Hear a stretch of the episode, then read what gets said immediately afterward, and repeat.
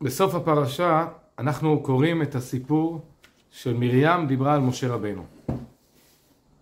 מרים פונה לאח שלה, אהרון הכהן, ואומרת לו, שמעת? מה שמעת? מה היה? ישבו מרים עם גיסתה ציפורה, מרים הייתה אחות של משה רבנו, ציפורה הייתה אשתו של משה רבנו.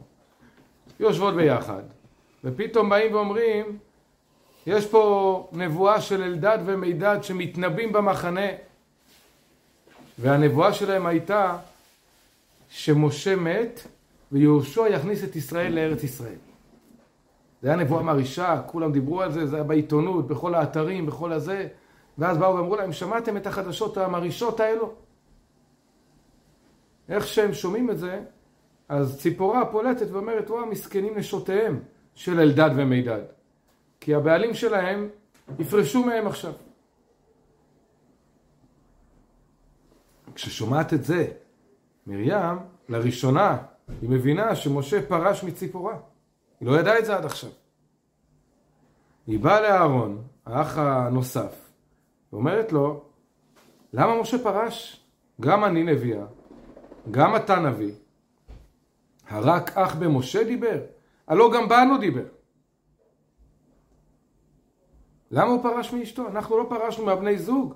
מרים הייתה נשואה לבעלה, אהרון המשיך להיות נשוי לאשתו, הייתה אחות נחשון. מה פתאום הוא פרש? וישמע השם. התורה אומרת, ואיש משה עניו מאוד, מכל האדם אשר על פני האדמה. והפג... והקדוש ברוך הוא פתאום מתגלה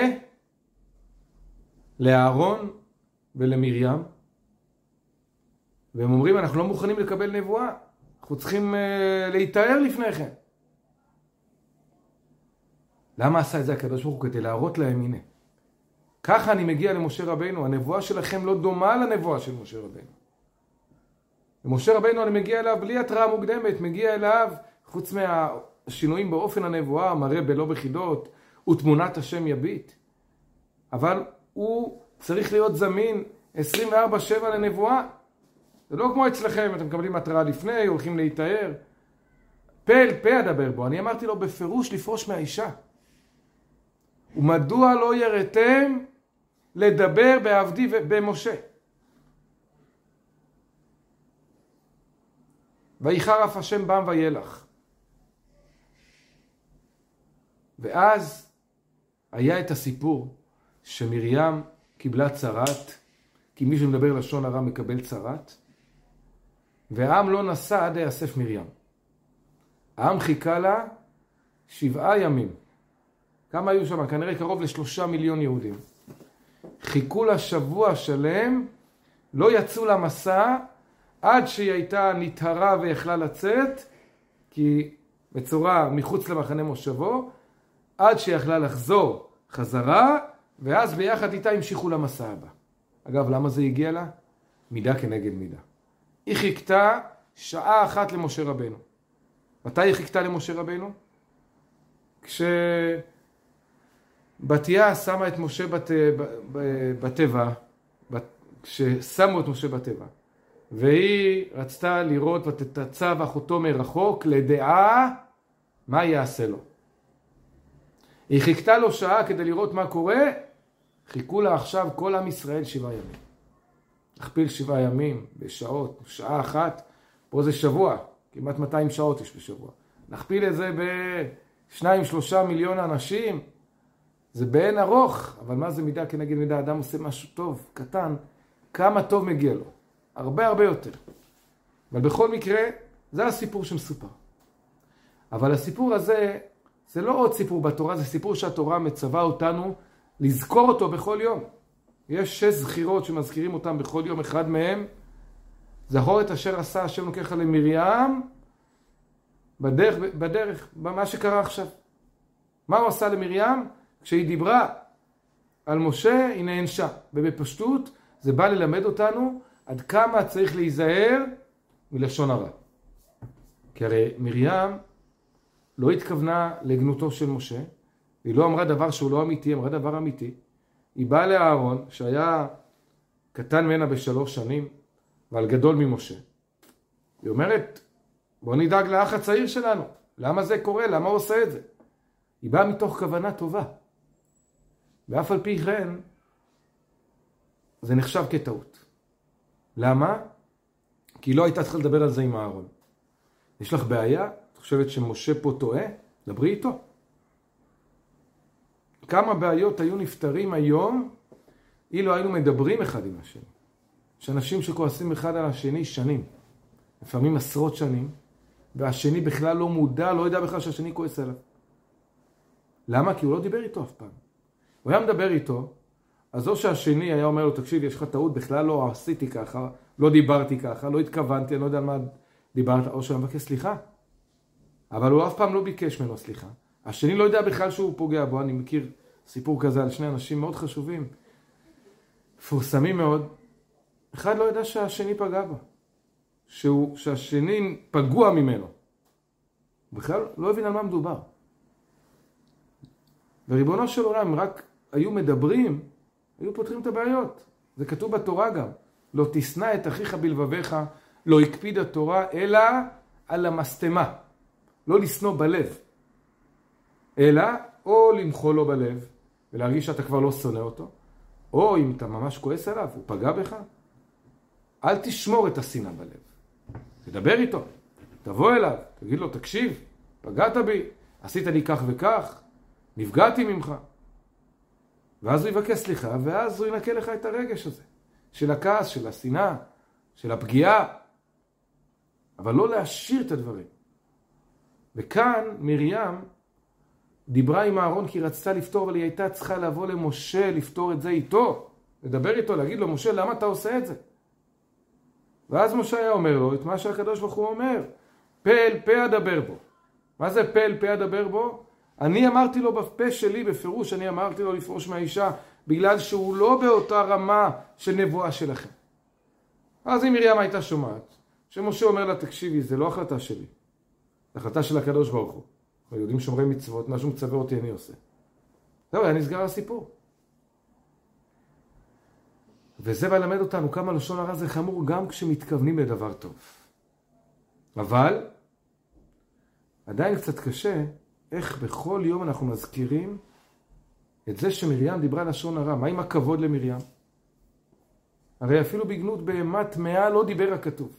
כשנוח מעלה את הבהמות לתיבה כדי להציל אותם, התורה אומרת מכל הבהמה הטמאה או מכל הבהמה הטהורה, מכל הבהמה אשר איננה טהורה היא. הפסוק מהקם מוסיף עוד אותיות כדי לא לדבר בגנות בהמה טמאה, לא לכתוב את המילה טמאה. אז לדבר בגנותו של, של אה, בן אדם, ולא סתם בן אדם, אלא אדם גדול, מרים הנביאה, כל יום להזכיר שהיא דיברה לשון הרע. מה עם הכבוד למרים? אז הרבי פעם דיבר שיש לנו פה לא רק לימוד עד כמה להיזהר בלשון הרע, יש פה גם לימוד חיובי ממרים הנביאה. כי אם נסתכל קצת על הביוגרפיה של מרים, ננסה להבין מה הייתה מרים, מה היה הדברים החשובים לה במיוחד. אנחנו יודעים שהייתה נביאה, שירת מרים, אבל לאורך כל השנים אנחנו רואים שהיה לה חשוב דבר אחד. כבר מאז שהייתה ילדה, בת חמש, היה לה חשוב העניין הזה, ש... הגמרא מתארת ומספרת לנו מה עומד מאחורי הפסוק בתחילת ספר שמות, וילך איש מבית לוי ויקח את בת לוי.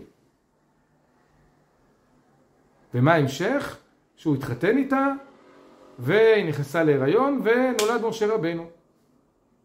מי זה איש מבית לוי? אברהם. ויקח את בת לוי, יוכבד. ואומרים חז"ל, רגע, מה זה הלך ולקח את בת לוי, הלו, זה אשתו. כבר יש להם שני בנים, שני ילדים. יש להם את מרים ויש להם את אהרון. מה זה וילך ויקח? זה אשתו. מספרת לנו הגמרא שעמרם גירש את יוכבד.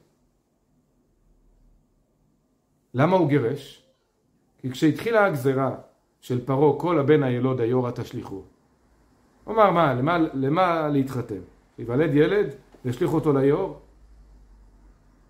עדיף לא להביא את הילד כזה לעולם. לסבול כל כך הרבה, להתאמץ כל כך הרבה. הילד מביאים אותו לעולם ולהביא אותו לאכזריות הזו שישליכו אותו ליאור. למה? למה? עמד וגירש את אשתו. עכשיו עומד מנהיג ישראל, עמרם, ומגרש את אשתו, אז מה כל עם ישראל אמר? אם בארזים, אם ככה מתנהגים, אם המנהיג שלו מתנהג ככה, מה אנחנו נהיה צדיקים יותר ממנו? אנחנו כן נביא ילד? למרות שכל הבן הילוד היורה תשליכו, מה פתאום? אם עמרם עשה את זה, מי אנחנו שנהיה צדיקים יותר ממנו? עמדו כולם וגירשו את נשותיהם. ואז פתאום נכנסה כאן לתמונה מרים, הילדה בת החמש. היא באה לאבא שלה, אומרת לו, אבא, הגזרה שלך קשה יותר משל פרעה. למה? פרעה לא גזר אלא על הזכרים, ואתה גוזר על הזכרים ועל הנקבות, זהו, לא יהיו יותר ילדים בכלל, נכון? פרעה הוא רשע, הגזרה שלו או שתתקיים או שלא תתקיים. אבל הגזרה שלך, הגזרה שלך, כי אתה צדיק, היא תתקיים בוודאי. ואז כשהוא שמע את הילדה שלו, הוא קיבל. אמר, צודקת. וילך איש מבית לוי, ויקח את בת לוי. חזר והתחתן איתה שוב. ויקח זה ליכוחין, זה נישואין. כי ייקח איש אישה. ראו כולם שמנהיג הדור מחזיר את אשתו, כולם החזירו את נשותיהם. כמה ילדים באו לעולם, כולל משה רבנו, בזכות הילדה הזאת מרים.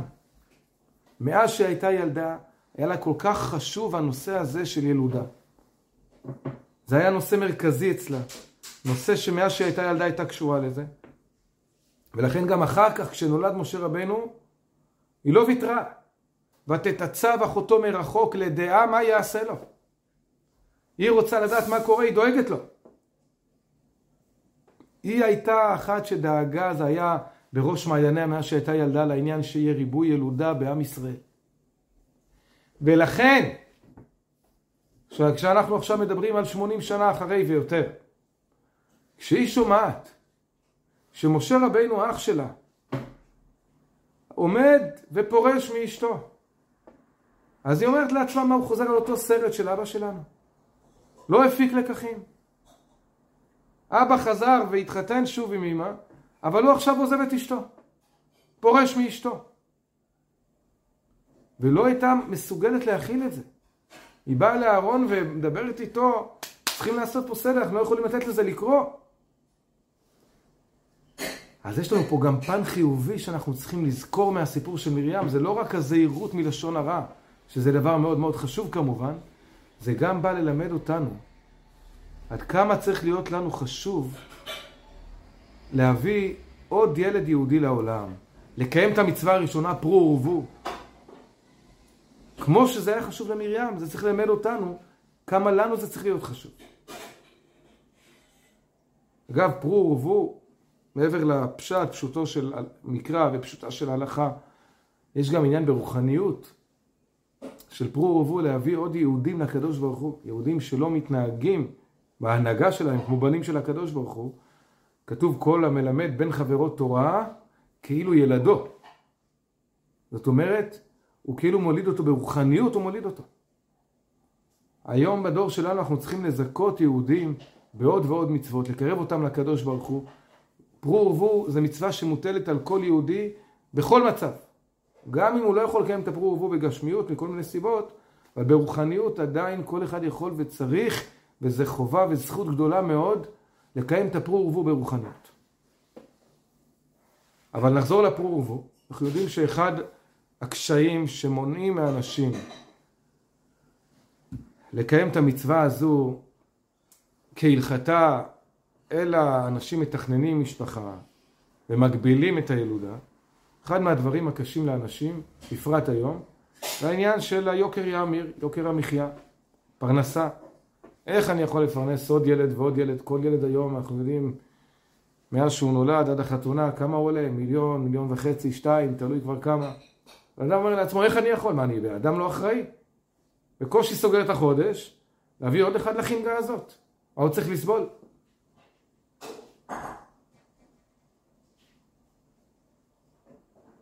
ופה מרים לימדה אותנו שאפילו כשיש גזרה, הרבה יותר קשה. אין ספק, כל הבן לא יודע, תשליכו להוליד ילד שיודעים שיש עליו גזרה להשליך אותו ליאור. לימדה אותנו אפילו מזה לא להתפעל. אפילו שזה לא יעצור אותנו. על אחת כמה וכמה שמדובר על זה שאדם לא מצליח בראש שלו להבין איך הוא יפרנס אותו, ודאי שזה הרבה פחות אכזרי, הרבה יותר קל מאשר לדעת שאדם מוליד ילד וישליכו אותו ליום. ואם שמה באה מרים ומלמדת אותנו לא לוותר, אלא ללכת תמים תהיה עם השם אלוקיך. לדעת שאם הקדוש ברוך הוא מצווה, מצווה ראשונה פרו ורבו, לא לעשות חשבונות. בוודאי שחשבונות כלכליים לא, יכול, לא יכולים להיות סיבה להימנע מהחשיבות הזו של להביא ילד יהודי לעולם. איי, אבל בן אדם אומר, תקשיב, פרנסה צריך.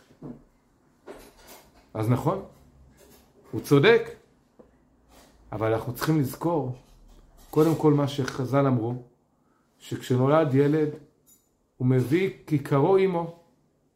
הוא מביא איתו, הקדוש ברוך הוא מביא איתו פרנסה, צינור של פרנסה שאי אפשר לגדל אותו.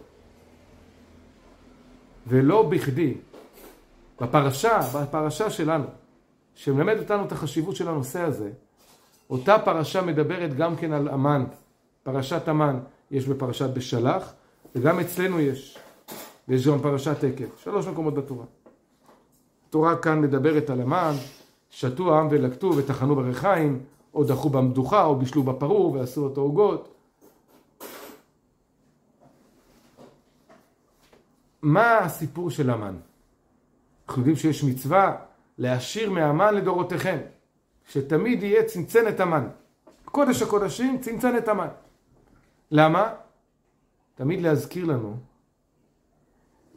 שיש לקדוש ברוך הוא שדאג לנו 40 שנה בלי שהיינו צריכים לנקוף אצבע. אדם לא היה צריך ללכת לעבוד, לא היה לו נכסים, לא היה לו נדל"ן, שום דבר. ב-40 שנה האלו הקדוש ברוך הוא אומר, עליי. עליי. הקדוש ברוך הוא רוצה שנזכור את הדבר הזה. כי המן זה לא רק 40 שנה. גם אחרי זה שבאים וצריכים להתחיל לעבוד על פי טבע, כשבאים לארץ נגמר החגיגה של המן.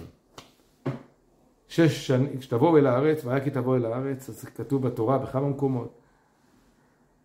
שש שנים תזרע שדיך, שש שנים תזמור כרמך, צריך להיות עבודה. חגיגה של המן נגמרה. אז למה התורה מספרת לנו ואומרת לנו לשמור את זה לדורותיכם? אם אנחנו כבר לא באותו אופן, הקדוש ברוך הוא לא מנהיג את העולם באותו אופן, כי הקדוש ברוך הוא אומר לנו, תדעו לכם, שגם כשמדובר על לחם מן הארץ, לא על המן שהוא לחם מן השמיים, גם כשמדובר על העבודה על פי טבע שאדם צריך לעמול ולהתפרנס, תזכרו שהכל בא מהקדוש ברוך הוא. תזכרו שגם פה הקדוש ברוך הוא נותן ברכה. תזכרו שבעצם הלחם מן הארץ זה גם לחם מן השמיים. זה מתלבש בלחם מן הארץ, זה כאילו פורים, זה הצגה. והתורה אומרת, האדם צריך לעשות כלי, וצריך לעבוד וצריך לעמול. אדם לא יכול לשבת בחיבוק ידיים ולהגיד, אה, הקדוש ברוך הוא, תן לי מן כמוהם, לא. הרבה עשו כרבי שמעון בר יוחאי, ולא עלתה בידם. רבי שמעון בר יוחאי אמר, אדם לא צריך לעבוד כי היה תורתו אומנותו. הוא אמר, שאלו אותו מה יהיה עם פרנסה, אז הוא אומר, ועמדו זרים וראו צונכם, יש פסוקים. רבי ישמעאל אומר לו, אדם צריך ללכת לחרוש ולעמול ולזרוע ולהתפרנס, כמו שכתוב, ואספת את גניך ותירושך ויצריך. ואז מסיימת הגמרא ואומרת, הרבה עשו כרבי שמעון בר יוחאי, ולא עלתה בידם. זה לא הסתדר להם. הם לא, לא, לא הגיע אליהם פרנסה כמו רבי שמעון בר יוחאי שהגיע אליו הכל מלמעלה, כמו השיטה שלו, כי הוא היה ברמה מאוד גבוהה, שרוב עם ישראל לא שייך לזה. כרבי ישמעאל, ועלתה בידם. עם ישראל, רוב עם ישראל שייך, בטח בדור שלנו, שאנחנו דור נמוך יותר, שייך לדרגה של רבי ישמעאל. אנחנו צריכים לעבוד, אבל באה התורה ואומרת לנו, שלא תתבלבלו. שלא תחשבו שבגלל שאדם צריך לעבוד, זה אומר שהפרנסה שלו באה מהטבע. גם עכשיו, גם בטבע זה פרנסה של הקדוש ברוך הוא. הוא נותן את הפרנסה, הוא, מזונותיו של אדם קצובים לו מראש השנה, וכל יום ויום האדם נידון על מזונותיו. אלא מה? האדם מצד אחד צריך לעשות מה שהוא יכול על פי טבע, ומצד שני לדעת שהברכה האמיתית באה מהקדוש ברוך הוא. כותב רבי שמואל, האדמו"ר הרביעי של חב"ד, הרבי מהר"ש, שהפרנסה של יהודי בזמן הגלות זה בחינת מן, לחם מן השמיים. אומר, אין לזה הסבר. אנחנו כולם יודעים שהסימן שמופיע בגמרא כאחד מהסימנים לסיום הגלות זה היוקר יאמיר. כולנו מרגישים את זה יום יום. כל חודש עלה, התייקר מדד המחירים לצרכן עלה בעוד ועוד ועוד ועוד מה שעוצר את זה. ואף על פי כן, אנחנו רואים שאנשים חיים, ומחיים את המשפחה שלהם, והילדים, ועוד ילד. אין לזה הסבר. אנשים, אתה אומר, איך? עם שני ילדים, אנשים, זוג עובדים קשה, בקושי מצליחים לסגור את החודש. אז איך אנשים שעובדים פחות, מצליחים לפרנס שבעה ילדים, שמונה ילדים, תשעה ילדים? הפרנסה של יהודי בזמן הגלות זה כמו מן בעצם, זה פשוט מתלבש בלבושי הטבע. ושוב, האדם צריך לעשות כלי. סבא שלי עליו השלום. היה יהודי שהתקשה בפרנסה וחיפש עבודה. חיפש הרבה ולא הצליח. אז הוא כתב לרבי מכתב ושאל את הרבי, אולי אם אני לא מצליח למצוא עבודה, למרות שאני מחפש. סימן שאני לא צריך לעבוד. אולי הקדוש ברוך הוא רוצה לשלוח לי כל פעם את הכסף בארנק, בכרית, כל בוקר שאני אקום, אני אמצא כסף. לא יודע, אני מחפש ולא מוצא. הרבי לא ויתר, הרבי אמר לו לא. צריך לחפש יותר, לעבוד יותר ולמצוא. אז לא מצאת, אז חפש עוד. אז אומרים לאדם מצד אחד שהוא צריך לעבוד ולעמול ולהתייגע ולחפש, מצד שני לדעת, וברכך השם אלוקיך בכל אשר תעשה. אתה עושה, הברכה ברכה מהקדוש ברוך הוא. אומרים לאדם שהפרנסה כמו מן, לחם מן השמיים. אבל לחם מן השמיים הייתי יכול לשבת בחיבוק ידיים, נכון. עכשיו אתה לא יושב בחיבוק ידיים, אבל הברכה היא באה מהקדוש ברוך הוא כמו המן. במהות, הכל בא מהקדוש ברוך הוא הרי. אז במהות אין הבדל בין לחם מן הארץ ללחם מן השמיים. ההבדל הוא שבלחם מן השמיים רואים בגלוי שזה בא מהקדוש ברוך הוא. ולחם מן הארץ פחות רואים. ואז יש יותר ניסיונות, ואז יותר קשה. ואז האדם אומר, מה, אני אתן צדקה, אבל אני אפסיד. אבל התורה אומרת, עשר בשביל שתתעשר. אבל זה כבר אתגר, זה כבר ניסיון. למה? כי, כי לא רואים שזה בא מהקדוש ברוך הוא. אז באה התורה ואומרת לנו, נכון, זה כל העניין פה. שיש פה ניסיון, ואדם צריך לדעת שלמרות שזה רצון השם שהוא יעשה הכל על פי טבע, אבל עדיין צריך לדעת שמה שמביא לו את הברכה זה הקדוש ברוך הוא. וזה לא סותר. אלו שני קווים מקבילים שאינם סותרים אחד לשני, אלא זה רצון השם שזה יהיה ביחד. זה במקביל לזה. שהוא גם יעשה על פי טבע מה שהוא יכול, וגם ידע שברכת השם היא תעשיר. גם במן לא היה להם כל כך פשוט. שלא נחשוב שהמן, 40 שנה הם חגגו ושילבו ידיים. התורה אומרת, משה רבנו כשמדבר לעם ישראל על המן, הוא אומר להם, ויענך ויריבך ויאכילך את המן. עינה אותם. שואלת הגמרא, איזה עינוי זה מן? היה להם את כל הטעמים שבעולם במן. איזה מין עינוי זה? אומרת הגמרא שתי תשובות. תשובה אחת, הם לא ראו את האוכל. המן זה היה משהו כזה כמו ג'לי. אדם רוצה לאכול סטייק, לראות את הסטייק, העיניים אוכלות, ואז הוא שבע. הם ראו איזה ג'לי כזה, לא ברור מה זה. זה עינוי. זו תשובה אחת. תשובה שנייה אומרת הגמרא, התשובה הראשונה אינו דומה מי שרואה ואוכל למי שאינו רואה ואוכל. התשובה השנייה, אינו דומה מי שיש לו פת בסלו למי שאין לו פת בסלו. מה זאת אומרת? כשאדם יודע שהוא הולך לישון, יש לו בארון משהו, יש לו קופסאות שימורים, יש לו במקפיא לחמים, הוא, הוא, לא, הוא לא בלי כלום. גם אם עכשיו התחילו איזה מבצע בעזה, סוגרים את כל הסופרים, מתחיל איזה קורונה, הוא מסודר. הרי מה קרה כשהתחילה הקורונה? אנשים נכנסו ללחץ. למה? מי יודע מה יהיה? רוקנו את הסופרים, נייר טואלט לא נשאר. חוץ מוופלה לימון לא נשאר כלום בסופרים. למה? כי האדם רוצה להרגיש שיש לו משהו בבית. שגם אם משהו כזה, אני מסודר, יש לי לפחות ליום, ליומיים, לשבוע, למשהו. אז אני אוכל פחות, יישאר לי ליותר זמן. אבל הם הלכו לישון כל לילה כשהארונות ריקים. המקפיא ריק, המקרר ריק, אין אוכל. אין. אז מאיפה יהיה לי אוכל? מחר בבוקר, הקדוש ברוך הוא יוריד מן. בסדר, אבל זה היה סוג של עינוי. גם אחרי יום ושבוע וחודש ושנה ועשר שנים ועשרים שנה, עדיין קשה לאדם לישון שאין לו פת בסלו. צריך שיהיה לו לחם בסל, שיהיה לו לחם במקפיא. כשאין לו את זה, זה עינוי. כל פעם מחדש זה עינוי. זאת אומרת, חשוב לנו לדעת את זה. שגם במן היה ניסיון.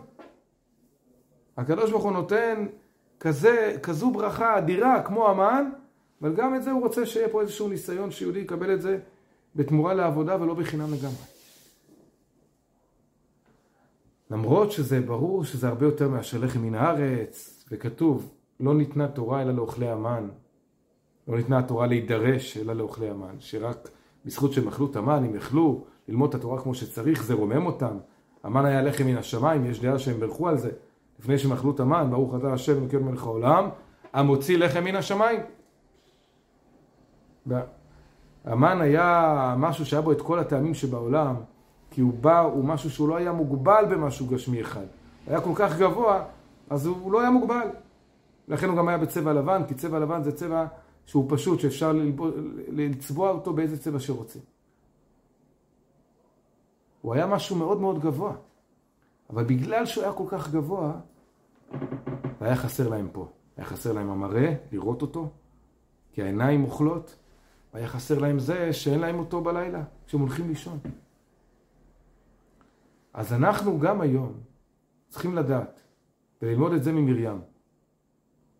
שהיא באה ואמרה לאבא שלו, אתה אל תעשה חשבונות שמיים. הקדוש ברוך הוא ציווה, ואבא שלה קיבל.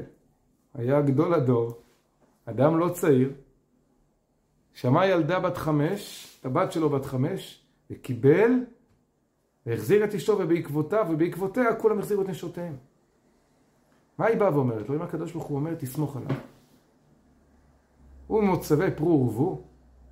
עכשיו נראה לך זה, זה לא הגיוני בגלל פרעה, אז, אז, אז מי פה יותר חזק? תמים תהיה עם השם אלוקיך. אתה תעשה את שלך. הקדוש ברוך הוא כבר יסדר. אז זה היה אפילו על דבר כזה, על אחת כמה וכמה כשדובר על חשבונות כלכליים, סביב נושא של ילודה, בוודאי שאדם צריך לדעת שאם הקדוש ברוך הוא מצווה את האדם, פרו ורבו, אז האדם צריך לעשות את זה. איי, הוא לא רואה על פי טבע, אז לא רואה על פי טבע איך זה מסתדר, תעשה את רצון השם. תדאג לפרנסה כמה שאתה יכול, והוא ידאג לך לברכה בפרנסה. מעניין שהשיטה של הרבי הייתה, הרבה פעמים הרבי כתב את זה, שלא לבזבז סתם כסף על חתונות רבתניות. מה יעזור להשקיע כל כך הרבה באיזה חתונה רב? מה זה נותן? רבי הביא שהזוג הראשון, מי היה הזוג הראשון שהתחתן? מבריאת העולם? הזוג הראשון בעולם? אדם וחווה. איזה חתונה הייתה להם? החתונה הכי קטנה. אדם וחווה, לא היו, אף אחד לא השתתף איתם בחתונה. אף על פי כן החתונה הזו החזיקה יפה מאוד, חיו הרבה שנים ביחד, הביאו ילדים ונכדים וצאצאים. הרבי לא אהב את זה שעושים, מוציאים את העיניים בחתונה ומבזבזים סתם כסף. ובמקום להשקיע את האנרגיה ברהיטים והכנות גשמיות לחתונה, הרבי אמר שחשוב יותר להשקיע את האנרגיה, בעיקר חתנים, בקדושה. אדם הולך לבנות בית בישראל, צריך להתכונן מבחינה רוחנית יותר, להתקדש יותר. זה מה שחשוב יותר. מצד שני, מצד שני, ראיתי מכתב שהיה פעם איזשהו זוג הורים שכתבו לרבי שהם לא יודעים אם לנסוע לחתונה של הילד שלהם, זה היה כנראה טיסה מאוד יקרה. ואם יוציאו את הכסף על זה, אז אחר כך יהיה חסר להם כסף ודברים אחרים. ורבי כותב להם, שהרי הכסף הקדוש ברוך הוא נתן לאדם כדי שיעשה איתו משהו. הכסף הוא לא מטרה, הכסף הוא אמצעי. והרצון שלהם לבוא לחתונה הוא רצון נכון על פי תורה ושולחן ערוך. על פי תורה, אדם צריך להיות בחתונה של הילד שלו. אז הם צריכים לטוס, הם צריכים לבוא, כי זה רצון השם.